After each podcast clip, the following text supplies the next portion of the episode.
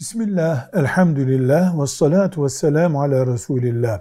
Genç bir kardeşimizin güzel bir sorusu var.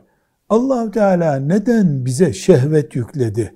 Özellikle de cinsel şehveti kastederek soruyorum diyor. Neden Allah bize şehvet yüklüyor? Cevap olarak kardeşimize diyoruz ki, sen bugün o şehvet sayesinde yaratıldın.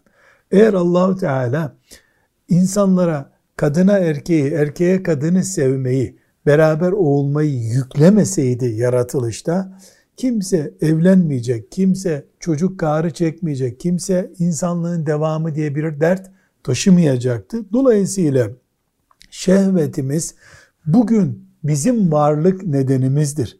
Bu bir nimet. Aynı şekilde tabi Allahü Teala tıpkı yemek yemeyi bize ihtiyaç olarak koyup da sonra da helal yerseniz zarar etmezsiniz buyurduğu gibi şehveti de helal dairede kullanırsak razı olacağı işlere götürecektir şehvet bizi. Haramda kullanırsak helak olacağız. Şehvet bunun için var.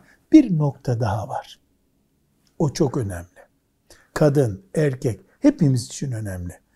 Bu dünyada şehvet dediğimiz şeyler geçici zararı, karı karışmış şeylerdir. Ama bunların aslını, sıfır zararlısını inşallah cennette yaşayacağız. Cennette Allah şehvetlerimizin tatmin olacağı şeyler bize ihsan edince ne büyük bir nimetin içine dalacağımızı anlamamıza yardım ediyor.